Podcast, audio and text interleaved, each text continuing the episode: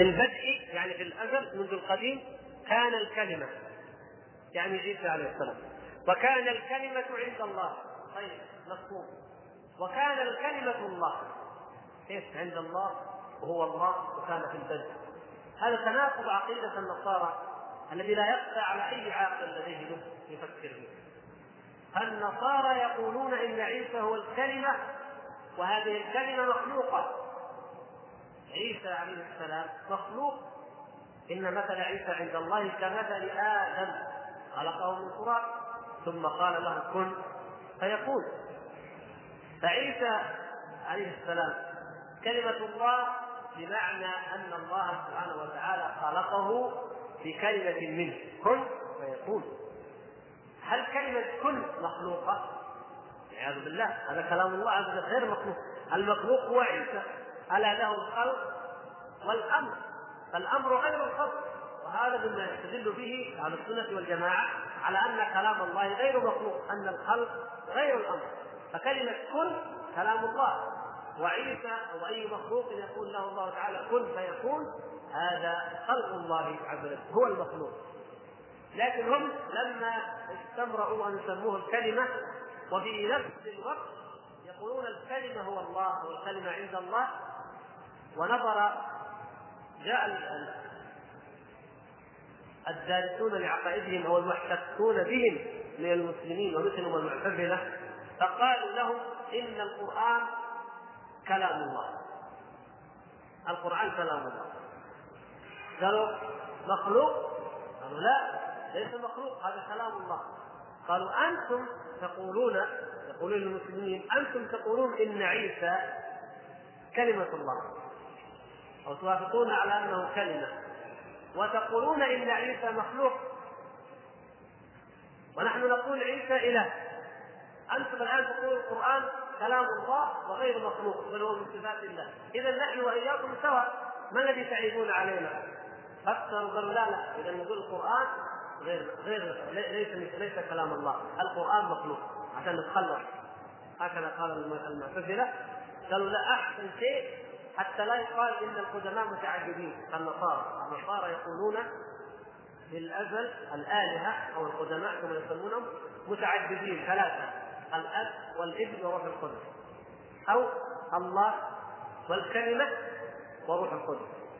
هؤلاء كلهم قدام قدماء يعني لا أول لهم في الاثر الثلاثة مع بعض. فقالوا لهؤلاء إذا قلتم أنتم أيضا إن القرآن قديم اذا أنتم صرتم مثلنا. اذا فلماذا تنتقدوننا؟ قالوا احسن شيء نتخلص من الموضوع وننكر أن القرآن كلام الله ونقول إن الله خلق القرآن مثل ما خلق آدم مثل ما خلق الشجرة مثل ما خلق الحجر مثل ما خلق كذا تعالى الله عن ذلك علوا كبيرا فإذا نحن نعرف كيف كان تأثير النصارى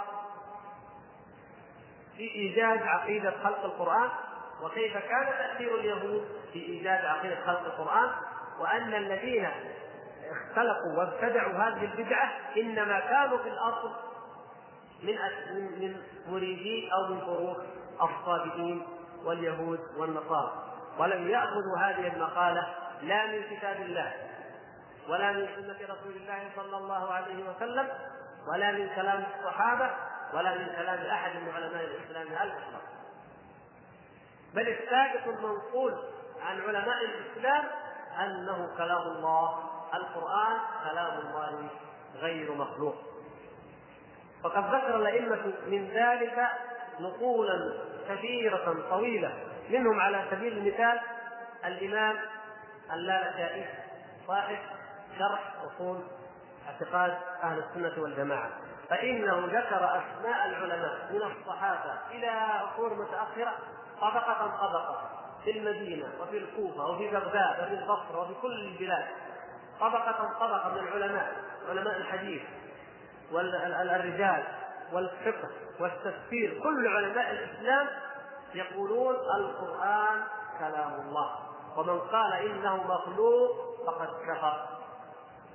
من قال إن القرآن مخلوق فقد كفر لأنه كذب الله تبارك وتعالى. وسوف نناقش إن الله كيف سوف نناقش إن شاء الله. هذه الأدلة أو هذه الأقوال. نعرضها بإذن الله سبحانه وتعالى مذهبا مذهبا ونبين بطلان ذلك المذهب. وإنما المقصود الآن هو أن نعرف النشأة كيف نشأت هذه البدعة ومن الذي أحدثها. فلما أن جيء بكتب اليونان بعد أن قتل الجعد وقتل الجهم أيضا وجاء عصر المأمون وترجمت الكتب أنشأ المأمون الدار التي سماها دار الحكمة للترجمة لترجمة علوم اليونان وعلوم الأوائل. وجاء المترجمون وكان بعض مترجمي الدار من الزنادقة المشهورين أمثال عبد الله بن مقفع الأديب الكاتب المشهور المعروف وأمثاله. فكانوا هم أيضا ممن تشرب تلك العقائد وآمن بها. فأخذوا يترجمون هذه الكتب. ثم زينوا للمأمون أن يعتقد عقيدة خلق القرآن. وقالوا له إن لم تعتقد هذه العقيدة فإن النصارى يفهموننا ويقولون إننا مثلهم. نقول بأن القدماء أو الآلهة متعددة. ونحن نقول إن الله وحده هو القديم كما يقولون نحن نقول هو الأول كما جاء في كتاب الله. فقال قالوا إذا لابد أن تعتقد ذلك. وزينوا للمأمون ذلك حتى اعتقده واعتنقه وآمن به. وكان الوزير يسمى ابن أبي دؤاد أحمد ابن أبي دؤاد وزير المأمون الذي زين له هذه البدعة. وكان من تلاميذ تلاميذ الجهل. فلما استقر المأمون على ذلك لم يكتفي بأن يعتقد البدعة. لم يكتفي بذلك بل كتب أوامره إلى جميع الولاة في جميع البلدان في الدولة جميعا أن يرغموا الناس وينتقلوا الناس على القول بخلق القرآن. فمن قال به نجا. ومن لم يقم بذلك فإنه يجلد ويعذب ويضرب. حتى يقول بهذه العقيدة الضالة المبتدعة ومن هنا عظمت المحنة على علماء الإسلام. وابتلوا في كل مكان بالحبس والسجن والأذى. واشتد الأمر واشتد الخطر ونكل بهم نكل بهم المبتدعة الذين ولاهم ابن أبي دؤاد وكانوا شديدي الحقد على هؤلاء العلماء وعلى أهل السنة. وعلى العقيدة الصحيحة ومن زاد فيها كانوا شديدي الحقد عليهم فنال المسلمين بلاء بلاء عظيم ونكال كبير بسبب هذه الفتنة.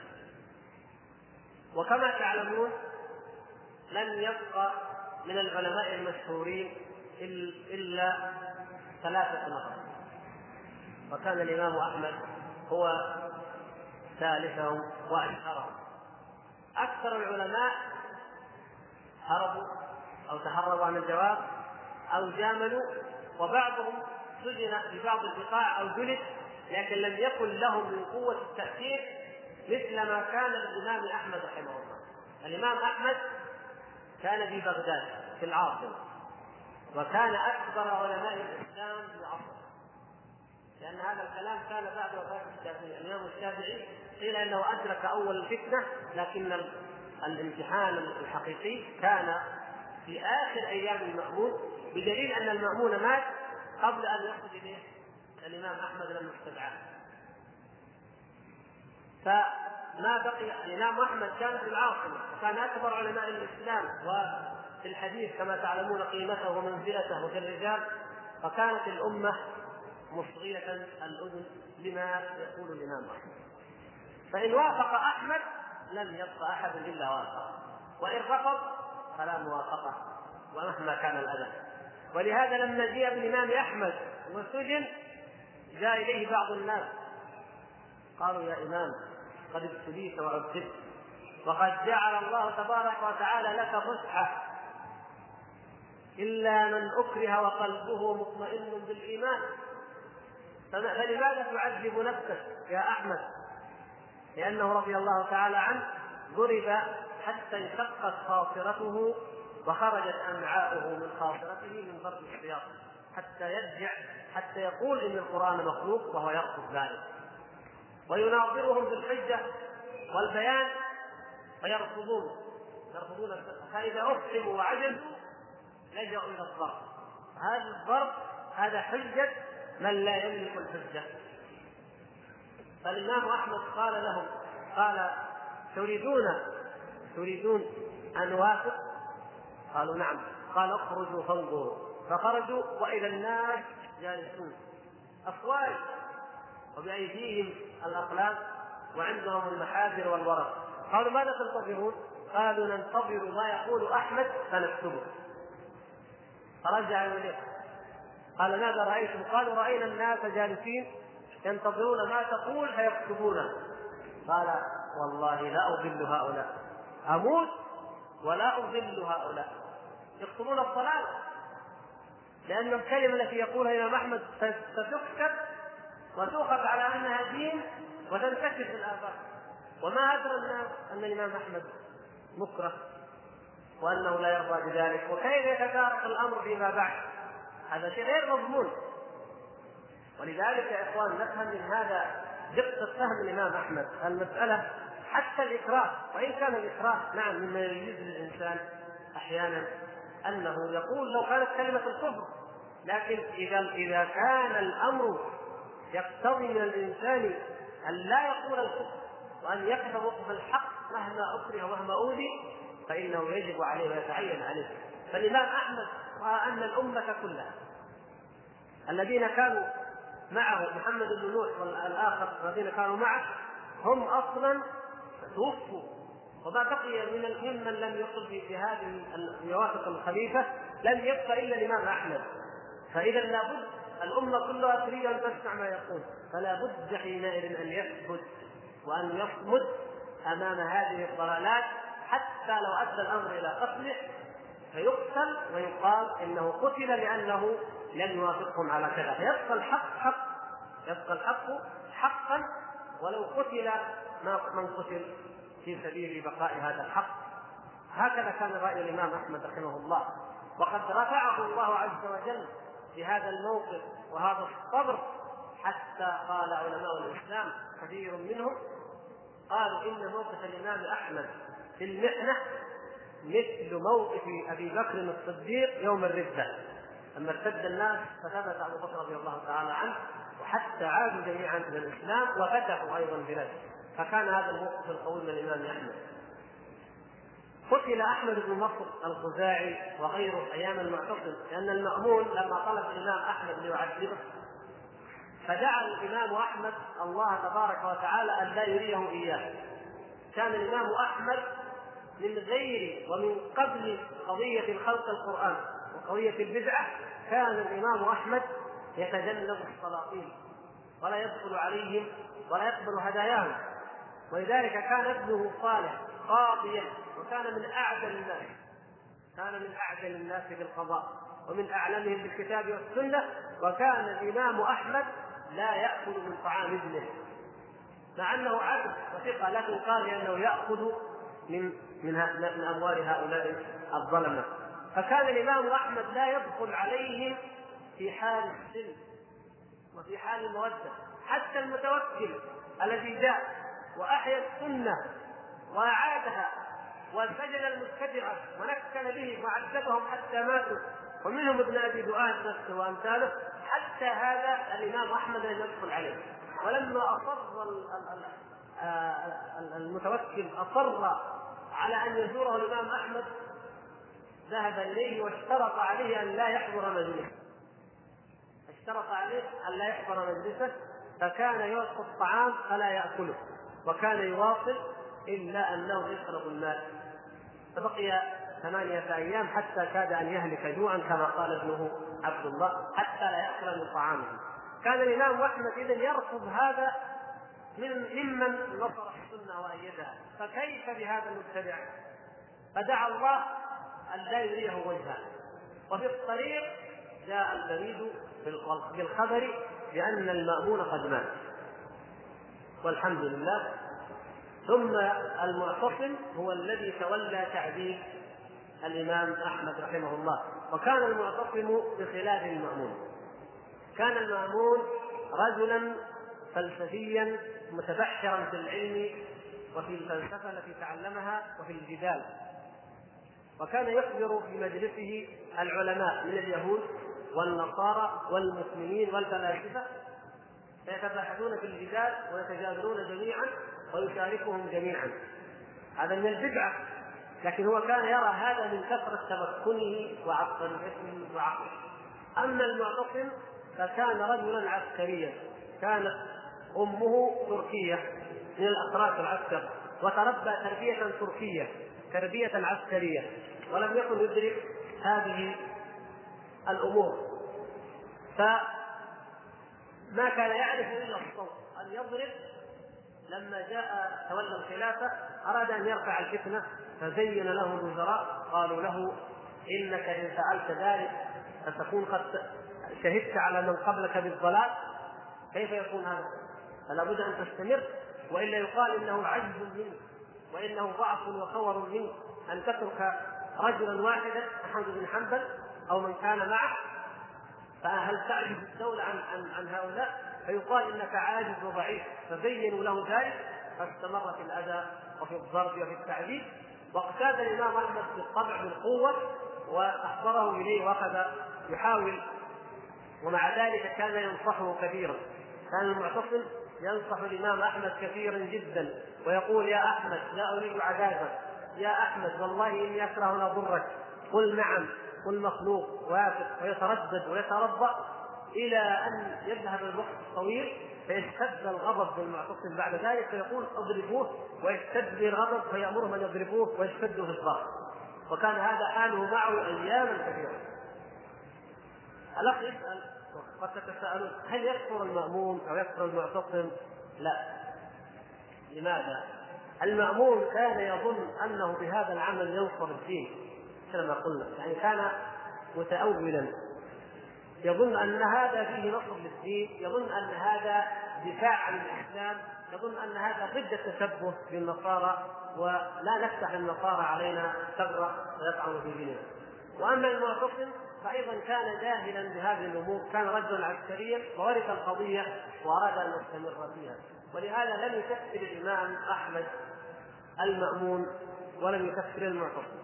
بل غفر للمعتصم. الإمام أحمد غفر للمعتصم ما فعل به وهو الذي ضربه وعذبه. بأي شيء؟ تدرون لماذا؟ لقرابته من رسول الله صلى الله عليه وسلم.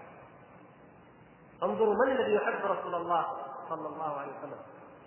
هل هم أهل السنة أم أهل البدعة والضلالة؟ الذين يحبون رسول الله صلى الله عليه وسلم ويحبون آل بيت رسول الله صلى الله عليه وسلم حقا حق المحبة ما هو لازم إذا كنا نحبهم أن نقول إنهم آلهة تخضع لهم جميع ذرات الوجود والعياذ بالله كما يقول الرافضة. هذا ما هي محبة هذه ألوهية. محبة الرسول صلى الله عليه وسلم وتنفيذ وصيته بآل بيته ما معناها؟ أننا نشرك بالله وندعو رسول الله صلى الله عليه وسلم ونستغيث به والعياذ بالله. لا هذه صار تأليف هذا تأليف وليس محبة. محبة رسول الله صلى الله عليه وسلم في أهل بيته طبقها إمام أهل السنة والجماعة الإمام أحمد رحمه الله بهذا الموقف. قيل له ألا تدعو على المعتصم؟ وكان معلوما من سيرة الإمام أحمد رضي الله تعالى عنه أنه مجاب الدعوة رضي الله تعالى عنه لأنه كان من من الأولياء. الولاية الحقيقية يا إخوان الولاية الحقيقية هي من كان على مثل ما كان عليه هؤلاء الأئمة من العبادة والتقوى والجهاد وإحياء السنة ومقاومة الباطل. هذه هي الولاية الحقيقية. وإن لم يكن الإمام أحمد هو الولي فمن الولي بعد السلف الصالح؟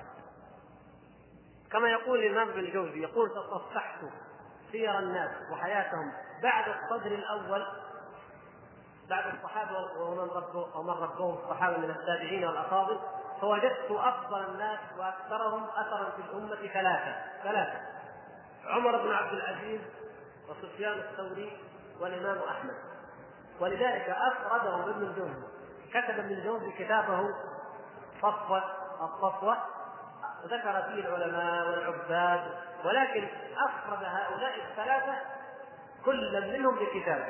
كتاب سيرة عمر بن عبد العزيز معروف مطبوع وكتاب سيرة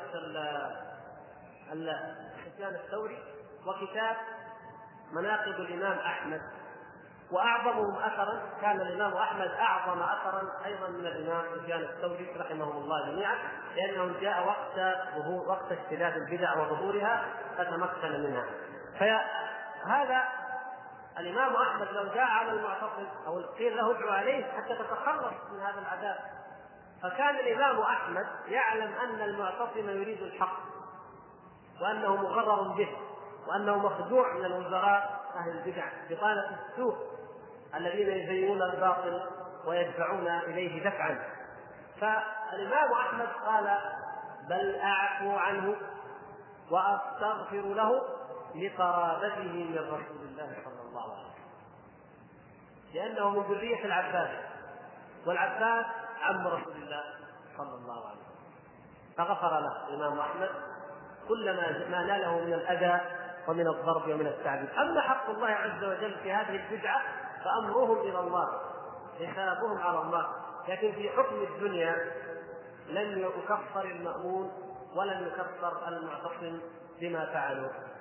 الشاهد يا إخوان انها كانت هذه المحنة العظمى للأمة من أجل أن تقر وأن توافق بأن القرآن مخلوق وأن كلام الله عز وجل مخلوق. وأنه ليس وحيا منزلا من عند الله وتكلم به الله الله سبحانه وتعالى على الحقيقة.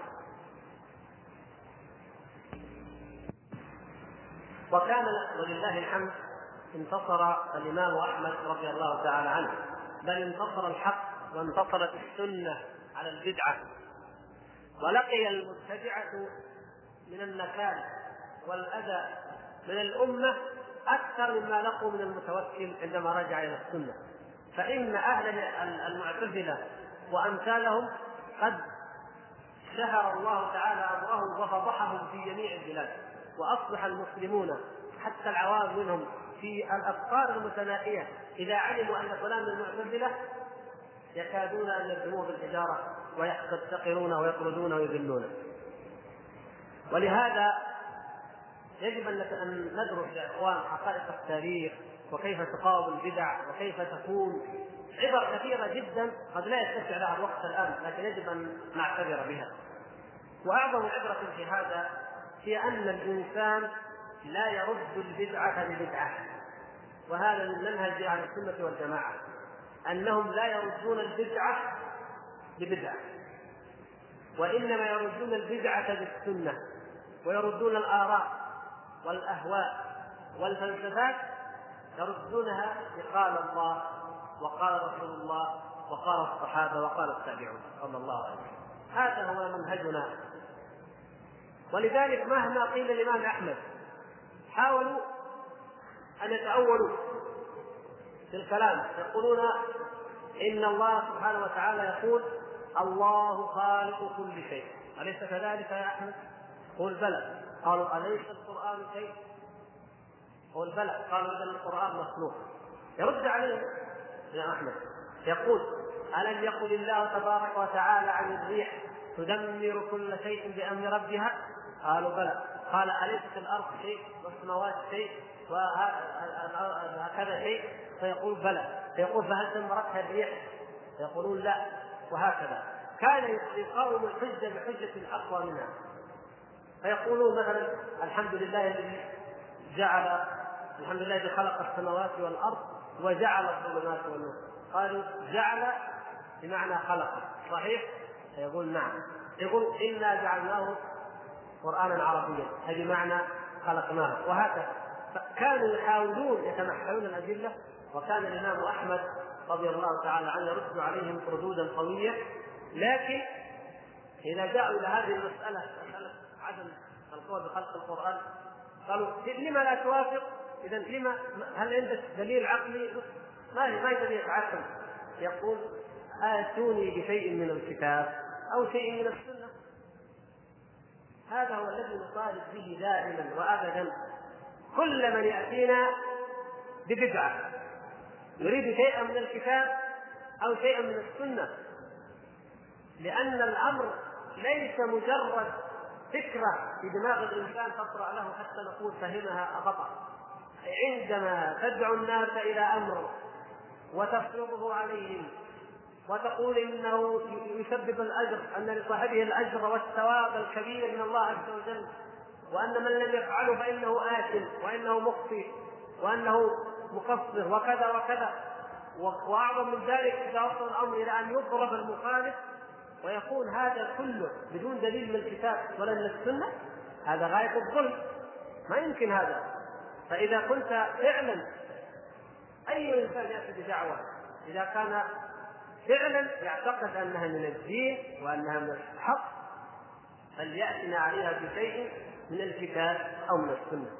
الجدليات العقليات الاستنباطات التأويلات هذه لا نهاية لها يا إخوان.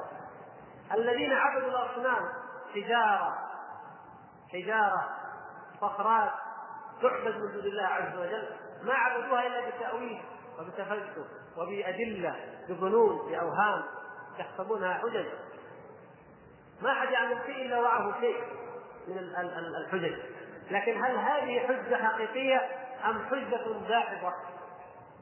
كيف نعرف ذلك؟ نطالبه بشيء من الكتاب أو من السنة. هذا هو منهجنا. فلا نرد البدعة ببدعة وإنما نرد البدعة بالسنة ونرد الباطل بالحق. هذا هو الأول. العبرة الأولى. العبرة الأخرى أن الحق متى قبل التنازل فإنه يضيع. الإمام أحمد لم يتنازل عن شيء من الحق كما رأينا في هذا الموقف. لكن عبد الله بن سعيد بن كلاب. اتخذ موقفا وسط ابن كلاب قال ما في داعي نتشدد زي أحمد. يقول لا ما هو مخلوق. لا. وما في داعي يكون مخلوق. قال كيف يا ابن كلاب؟ هذا إن شاء الله يأتينا شرحه بس حتى ناخذ العبرة. قال نقول إن الكلام على نوعين. كلام الله النفسي الذي في نفسه هذا غير مخلوق. والذي في القرآن أنزله هذا مخلوق طيب من فين جبت الكلام هذا يا كلاب؟ هذا في الكتاب؟ هل هذا في السنة؟ هل قال عنه الصحابة؟ لا ما حد لكن قال نبغى نأخذ موقف وسط نحل المشكلة وسط نأخذ شوية من أحمد شوية من المعتزلة الحق متى كان في عملية صلح وتنازل وتوسط ضاع الحق فنتج من ذلك ان ما يسمون المتكلمه متكلمة أهل السنة يدعون أنهم هم متكلمة أهل السنة وليسوا كذلك أي الأشعرية الذين هم ورثوا مذهب ابن كلاب أنهم قالوا إن الكلام على نوعين نفسي قديم والمصحف هذا الذي المصحف هذا القرآن هذا مخلوق فظهرت بدعة جديدة كانت بدعة واحدة. بدعة القول بأن القرآن مخلوق. الآن صار صار أهل السنة منذ ذلك الحين منذ أن ظهر ابن كلاب أصبح أهل السنة يحاربون بدعتين. بدعة المعتزلة وبدعة ابن كلاب. لأنه أراد أن يصلح أن يتنازل أن يسوي الموضوع أن يتوسط. وهذا حق لا وسط فيه ولا هوادة ولا تهاون. هو حق مثل الشمس. إما أن يقبل كله وإما أن يرفضه من يرفضه ويرغم على قبوله بالأدلة الصحيحة من كتاب الله ومن سنة رسول الله صلى الله عليه وسلم. فهذه العبرة التي نأخذها من هذا الموقف. الأسئلة كثيرة أيها الإخوة ولكن الليلة أنتم على موعد مع فضيلة شيخنا الشيخ أبي بكر الجزائري. حفظه الله ونفعنا وإياكم بعلمه. فإذا جاء فإننا سنستمع إليه جميعا ونؤجل إن شاء الله الاجابه إلى الحلقة القادمة بإذن الله. السلام هكذا قال شاؤول أنه خاطبه وقال أنا المسيح ابن الله. لا تضطهد أتباعي ولا تضطهد كنيسه فعند ذلك يقول شاؤول كلام كله عن طريق شاؤول ما حد شافه. قال فعند ذلك آمنت بالمسيح وآمنت أنه ابن الله. وجئت وادخل في الدين وجاء وعاد إلى النصارى. أتى إليهم ويقول لهم إنه الأمر كذا وكذا والمسيح هو ابن الله. أنكر عليه الحواريون تلاميذ المسيح عليه السلام وخاصة يوحنا الذي حكى فيما بعد انجيل يوحنا. قال لن يعلمنا المسيح أنه ابن الله وإنما قال لنا إنه بشر رسول. وهذا أيضا مكتوب حتى في العهد الجديد الاناجيل الموجودة إلى الآن. لما سئل هل أنت؟ سأله رئيس الكهنة رئيس اليهود لأن اليهود هم الذين كان لديهم الديانة أمور الديانة. وكان كما تعلمون المسيح بعث رسولا ورسولا إلى بني إسرائيل. فقال له رئيس الكهنة أأنت إله أم أنت ابن الله أم أنت بشر؟ فقال المسيح كما في الإنجيل قال حتى أنت يا رئيس الكهنة وماذا تقول أنت؟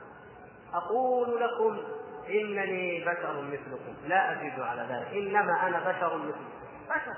فقط هكذا قال المسيح عليه السلام لكن أنكر الحواريون على بولس ولكن بولس نشر هذه الدعوة والدعاية ودارت محن وفتن ومعارك وقدر الله عز وجل أن تنتصر دعوة بولس فيما بعد.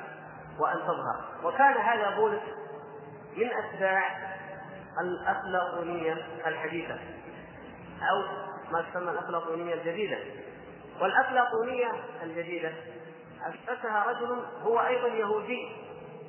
لاحظوا يا إخوان هذا موضوع يهمنا نحن في الإسلام من هذه الزاوية سأذكرها إن شاء الله. أفلوقين اليهودي هو الذي اخترع فكرة التثليث أو أظهر فكرة التثليث وقال إن العالم يصدر عن ثلاثة. المنشئ الأزلي الأول والثاني أو الثالث الذي هو ابن له والواسطة بينهما. فالعالم يقول صدر عن هذه الثلاثة مركبة من بعض. هذه الثلاثة هي واحد وهي ثلاثة في نفس الوقت. وكان هذا قبل ولادة المسيح عليه السلام بأكثر من 300 سنة. هذا مذهب من أفلوقين وأفلوقين يهودي. أفلوقين يهودي بمعنى أنه كان على دين موسى عليه السلام ثم تعلم الفلسفة الإغريقية أفلاطون وغيره وكان ألحد وخرج عن دين موسى عليه السلام وأصبح فيلسوفا لكنه يهودي. شاول يهودي. فأخذ عن أفلوطين اليهودي هذه المقالة ليهدم بها دين المسيح عليه السلام لأن اليهود يعادونه أشد العداء ويقولون هو ابن زانية والعياذ بالله من هذا القول وحاشاه من ذلك. فيجعلون مريم عليه السلام رضي الله تعالى عنها زانية ويجعلون المسيح عليه السلام ابن زنا والعياذ بالله. فهذا قول اليهود ومنهم شاؤون واتباعه فأخذ نظرية يهودي ثابت له وأدخلها ليهدم بها دين المسيح الذي جاء به. وقال إن الأب هو الإله وإلا المسيح ابن الله تعالى الله عن ذلك علوا كبيرا مثل ما يقول أنه ناداه من السماء وروح القدس هو الواسطة بينهما أيضا فقال الإله يتركب من هذه الثلاثة. وهكذا صار في دين النصارى أن الآلهة ثلاثة بهذا الشكل الغامض غير المفهوم. ولهذا يا إخوان حتى بعض بعض القساوسة حتى من العرب الذين عاشوا في بلاد الإسلام وفي أوروبا وفي كل مكان يدخله هذا الدين المحرف يستنكر العلماء والعقلاء والمفكرون يقولون لهم كيف يكون الثلاثة والواحد والواحد ثلاثة؟ كيف تقولون إن المسيح ابن الله؟ وهل يجد سبحانه وتعالى أفكار تشوف في عقول الناس وتكون النتيجة لأن البابوات والقساوسة لا يعرفون الجواب فيقولون لهم هذا سر. سر آمن ثم فكر. يقولون دينهم يقوم على أنك تؤمن ولو كان ما يؤمن به غير معقول غير معقول على الإطلاق. آمن. ولا تفكر ابدا. إن كان لابد أن تفكر بعد أن تؤمن. فلا مجال للعقل. كيف يكون الثلاثة واحد واحد ثلاثة؟ يقول لك هذا دين لابد أن تؤمن به. فإن لم تؤمن به بهذا الشكل فأنت ملحد زنديق كافر إلى آخر ما يقولون في حق من خرج عليهم ومن قال غير هذا القول. فهذا هو معنى قولهم بهذه الثلاثة.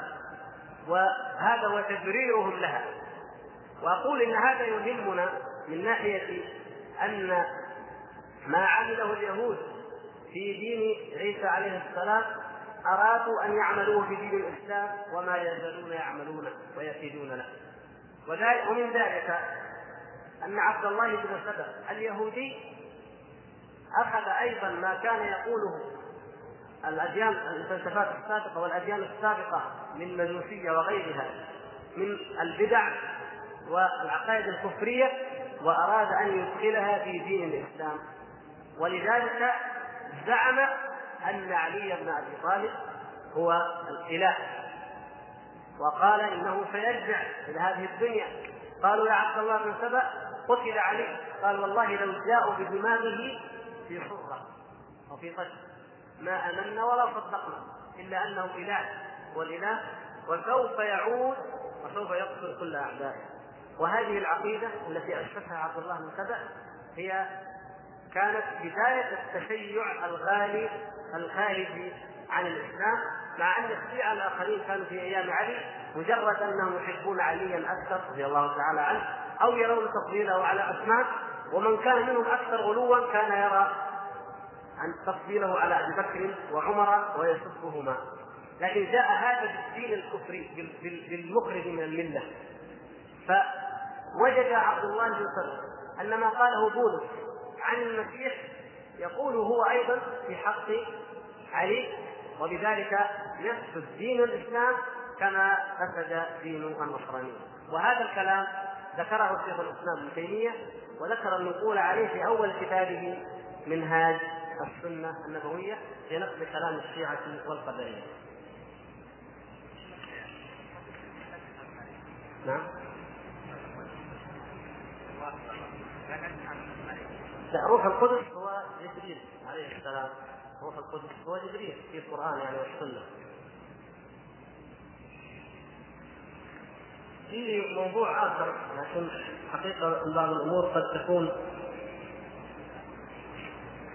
طيب نبدأ بهذا، ما هو الفرق بين أن يكون القرآن مخلوق مخلوقا أو كلام الله وما تأثير ذلك على عقيدة المسلم؟ أظن هذا السؤال قد علم الجواب عليه. كلام الله عز وجل الذي تكلم به سبحانه وتعالى المتعبد به المتحدى به جميع العالمين. ليس بمخلوق. أجمع على ذلك السلف الصالح جميعا. وكما ذكرنا نقلوا النقول الطويلة بأن من اعتقد إنه مخلوق من اعتقد أن القرآن مخلوق فهو كافر. فمن اعتقد أن كلامه عز وجل مخلوق فهو كافر اذا هذا أمر خطير على عقيدة المسلم. كما تأثير ذلك أن من اعتقده فإنه يكفر. ولذلك لا يجوز أن يعتقده أحد. بل يجب على كل أحد إن كان لديه شبهة في الموضوع أو قرأ في كتب تفتح أبواب الشبهات. كما ذكر مثلا هذا جزاه الله خير. يجب عليه أن يسأل وأن يستفصل وأن يستعلم حتى يكون على بينة من أمره. فإن كلامه عز وجل لا يمكن أن يكون مخلوقا وليس بمخلوق ابدا. وإلا المخلوق كل ما نراه الآن أنا وأنت والأشجار والأحجار هذه مخلوقة. فهل كلام الله عز وجل مثل شيء منها؟ سبحانه وتعالى. ولذلك هذا الاخ الذي سأل سؤالا طويلا عن كتاب اسمه العقيدة الإسلامية وأسسها. فذكر فيه مثل هذا الكلام. إيه، فيما يتعلق بالكتاب. لا حاجة إلى أن نقرأ الكتابه كلها. وإنما نقول للأخ أن هذا الكتاب مخالف لعقيدة السلف الصالح. كتاب العقيدة الإسلامية وأسسها. كتاب كبير مؤلفه معروف.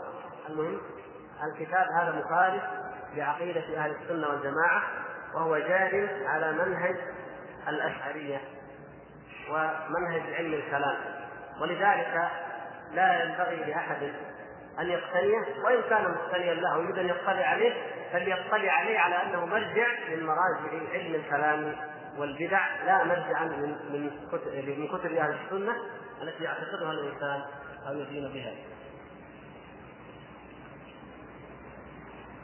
الأخ يسأل يقول ناحية تاريخية قلت إن المأمون قد مات قبل أن يقابل الإمام أحمد وهو يعتقد بخلق القرآن فمتى كانت المجادلة بين عبد العزيز الكناني وبسلم الريشي امام المأمون التي بين فيها عبد العزيز أن القرآن كلام الله وأقره المأمون؟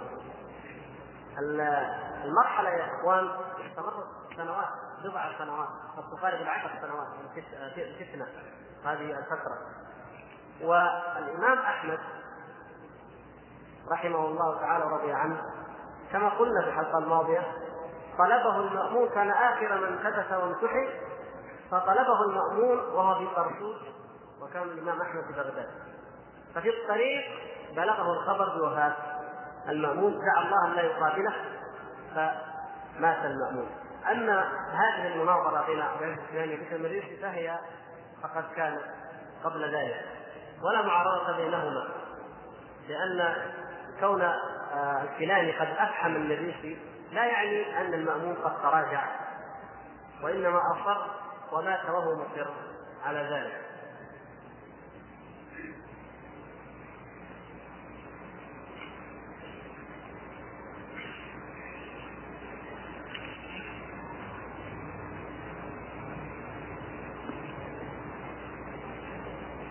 إذا أقيمت الحجة على شخص تكلم بكلام فيه كفر وأصر على كلامه. هل هذا يعتبر كافرا قيام الحجة عليه أم لا؟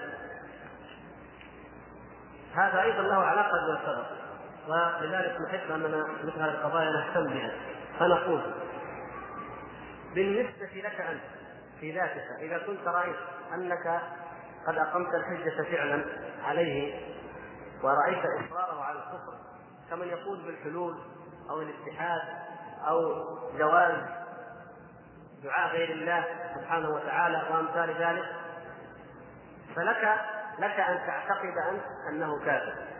فلا تصلي عليه ولا تصلي خلفه ولا تسلم عليه وأمثال ذلك من أحكام الكفار ولا تزوجه ولا تأكل ذبيحته وأمثال ذلك.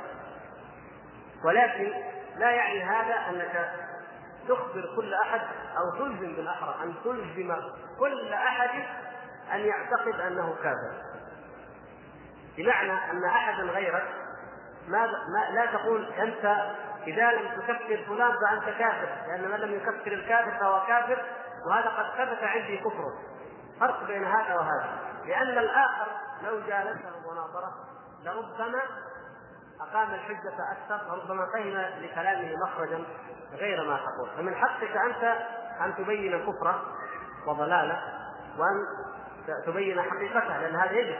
يجب أحيانا أن تبين حقيقته لكن الإلزام بنتيجة اجتهادك أنت لا تلزم أحدا به أما إذا كان تكفيره صدر عمن هو أهل لإقامة الحجة لاحظوا الفرق يا إخوان. أنا أقدر أقول أقمت الحجة لكن أنا نفسي قد لا اكون أنا ممن يقيم الحجه لكن الذين يقيمون الحجة فعلا هم من يعتبر كلامه في إقامة الحجة.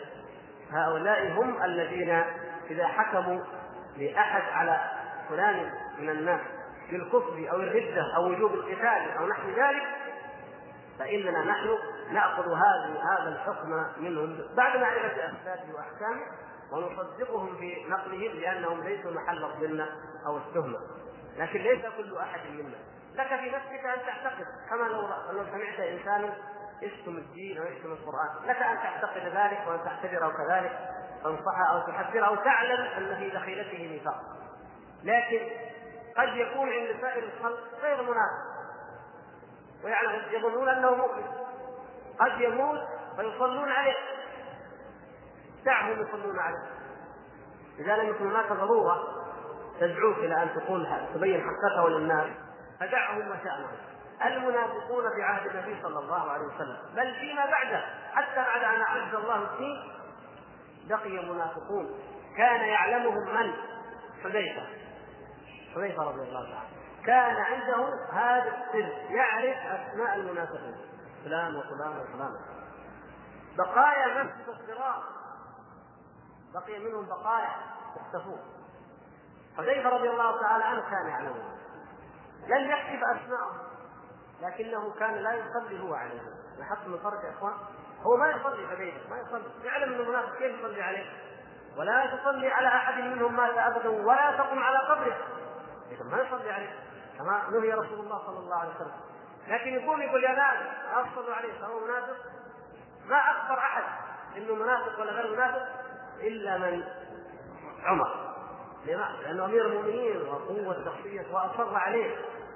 سبحان الله عمر منافق. سبحان الله. انظروا يا إخوان. انظروا اتهام النفس عند أصحاب محمد صلى الله عليه وسلم. المشهود لهم بالفضل المشهود لهم بالجنة.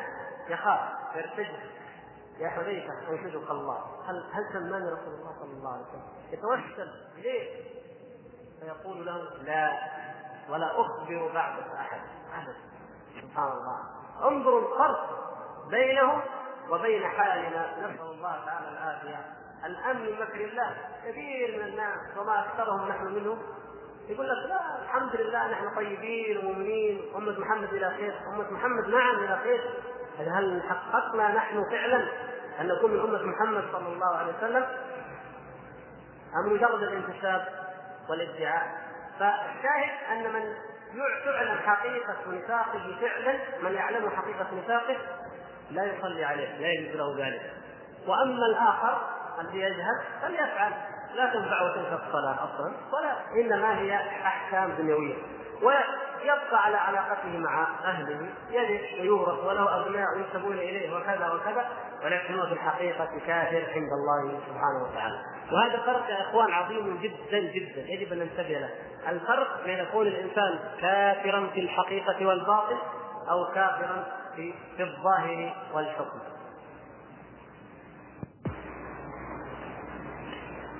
الأخ يقول لو وجد شخص يعتقد أمرا كفرا يعني كفريا أمرا من أمور الكفر ولكنه لا يريد أن يتناقش مع أحد ولا يريد أن يسمع أحد فما الحكم فيه؟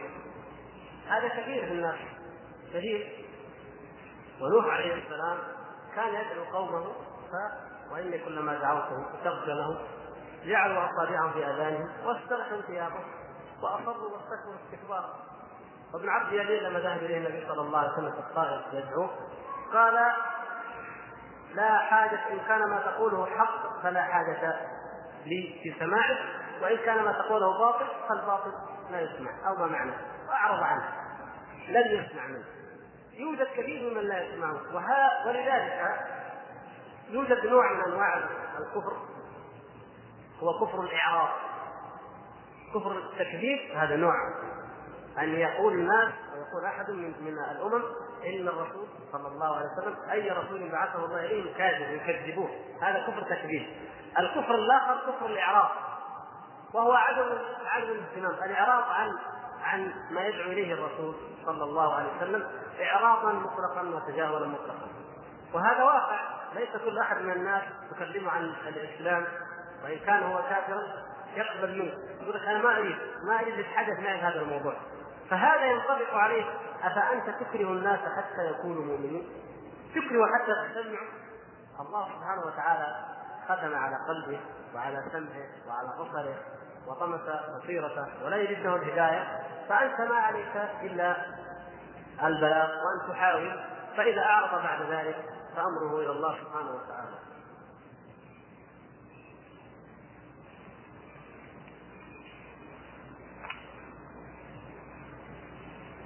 بقية الأسئلة بعضها يتعلق بموضوع الكلام هذا سيأتي إن شاء الله. أنا ما نحب نتعجل عنه ولعلنا إن شاء الله. لعلها تأتي الإجابة عليها إن شاء الله. من خلال الشرح هذا أفضل قبل أن نأخذ في التفصيلات. و السؤال الذي يتعلق في يزيد يزيد بن معاوية. شيخ الإسلام ابن تيمية سئل عن يزيد بن معاوية وكتب بذلك رساله طبعت مستقلة وهي موجودة أيضا في مجموع الفتاوى. فنستطيع أن نقرأها جميعا وأن نعلم. نحن كما قلت في أول كلامي لا يهمنا لا يهمنا أمر يزيد هل هو كذا أو كذا. تلك أمة قد خلت لها ما كسبت. ولكم ما كسبتم لا يسألون عما كانوا يعملون. لكن من كان من يريد أن يعرف فما دام قد كتب فيه ولله الحمد عليه شيخ الإسلام ابن تيمية فلنرجع إليه ولنتعود أن نرجع نحن بأنفسنا ونقرأ وإذا أشكل علينا شيء نسأل فإن هذه الطريقة أفضل من مجرد السماع. لكن موجز القول الذي يريد أن أقوله إنه لا يهمنا ولا يترتب على معرفة حكم يزيد شيء وأن الحديث الذي قلت إنه حديث صحيح وهو كذلك قول النبي صلى الله عليه وسلم أول جيش يغزو القسطنطينيه مغفور له. لا ينافي لا ينافي أن يزيد مذنب. لا, لا يعني أن يزيد ليس بمذنب يا أخوان؟ مغفور لهم نفسها تدل على أن لهم ذنوب وتغفر لهم. وكل بني آدم خطاؤون وكلهم لهم ذنوب. لكن يزيد إن كان فعل ما فعل فلا يخرجه ذلك من الملة. وما دام هو الذي قاد الجيش الذي جاء فيه الحديث عن النبي صلى الله عليه وسلم بأنه مغفور له فنقول إنه داخل تحت الوعد. كما قلنا في أول كلام يشمله هذا الوعد. هل نجزم بأن الله غفر له أو إن الله لم يغفر له؟ لا نتألى على الله عز وجل والعياذ بالله. وإنما نقول هو داخل في هذا الوعد فلا يجوز لأحد أن يلعنه أو حتى يكفره لا يجوز تكفير يزيد ولا غير يزيد إلا بحجة وبرهان من الله عز وجل وإلا من قال غير ذلك فإنه آثم ومعرض نفسه للعقوبة وللوعيد ولمخالفة هذا الحديث عن النبي عن النبي صلى الله عليه وسلم. ونكمل إن شاء الله بقية الإجابة بعد الصلاة أو نقرأ ما تيسر من رايتم ذلك إن شاء الله تعالى. وصلى الله على محمد وعلى آله. الحمد لله رب العالمين وصلى الله وسلم وبارك على نبينا محمد وعلى آله وصحبه أما بعد فأيها الإخوة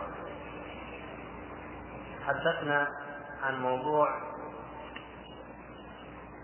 الكلام الطويل في قضية الإعذار بالجهل أو عدمه وأحب أن أؤكد أن المقصود بالإطالة فيها والتنبيه إلى أن هذه قضية مهمة وأنه يجب علينا أن نشغل أنفسنا بما يهمنا وما يعنينا.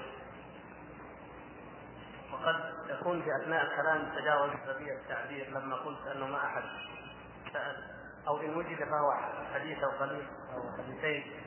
هو الواقع كما تعلمون حديث في صحيح مسلم الرجل سأل عن أبيه وقال النبي صلى الله عليه وسلم ابي وابوك بالنار. يعني أنا أدرك ذلك ومثله وإن كانت هي فعلا قليلة لكن كان الغرض الذي سبب التجاوز في التعبير هو تنبيه الإخوة الكرام إلى أن هذه القضية كانت حية كانت ملموسة كان يعيشها كل إنسان دخل في هذا الدين الجديد لأنه لا يخلو من اقرباء اما ماتوا على الكفر قبل بعثة النبي صلى الله عليه وسلم أو لم تكن قد بلغتهم وقد بعث أو لم يكونوا قد بلغهم الدين الصحيح بل جاءتهم صورة مشوهة عن طريق دعاية قريش المضادة أو أمثال ذلك مما له حالة مشابهة اليوم. المقصود كان هو هذا. ومع ذلك لم يرد عنهم إلا مثل هذا الرجل أو أمثاله. بينما نحن الآن نشغل أنفسنا بها إشغالا مجاوز الحد أقول إن هذا كان هذا هو المراد ونعود إلى أسئلتكم بارك الله فيكم.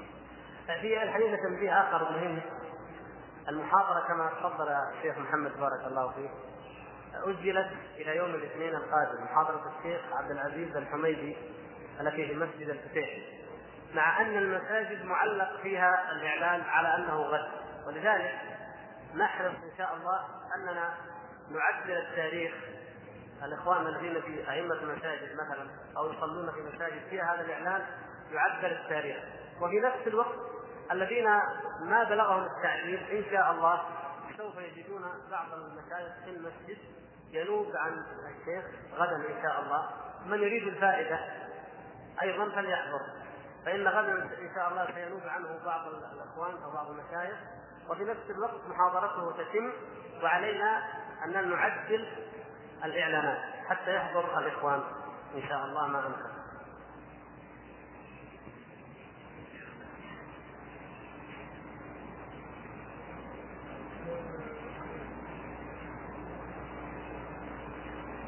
موضوع حقيقة يسأل عنه بعض الإخوة وإن كان قد سبق أن تحدثنا عنه كثيرا وهو موضوع التشبه بأهل الكتاب والكفار.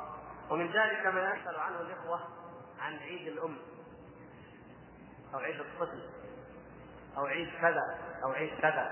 أعياد لا تنتهي حتى إن بعض المجتمعات لا يكاد ينتظم العمل أو ينتظم الإنسان في عمله شهرا كاملا من كثرة الأعياد. عيد للعمال وعيد للأم وعيد للأطفال وعيد للشباب وعيد المادري سبحان الله.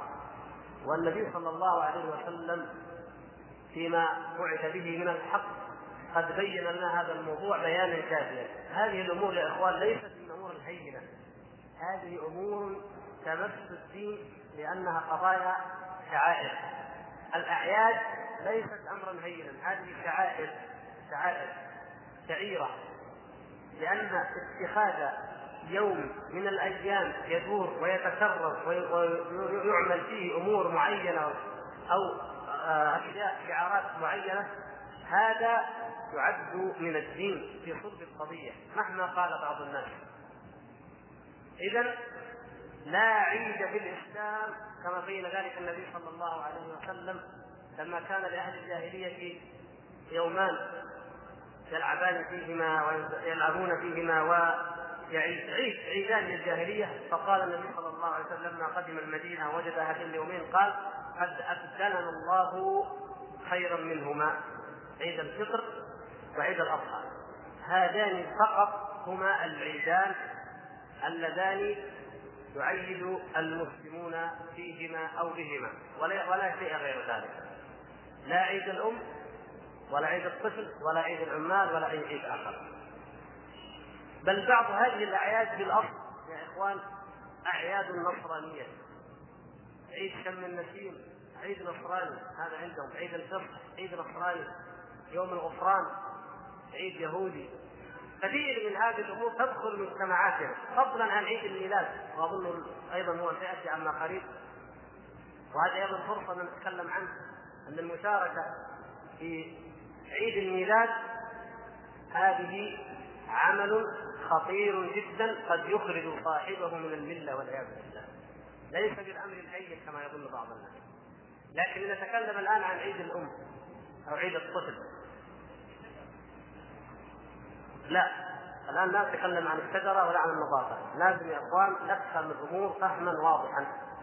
الكلام ليس عن أسبوع الشجرة ولا أسبوع النظافة ولا أسبوع المساجد الكلام عن الأيام التي تتخذ وتكون دورية تدور كل سنة.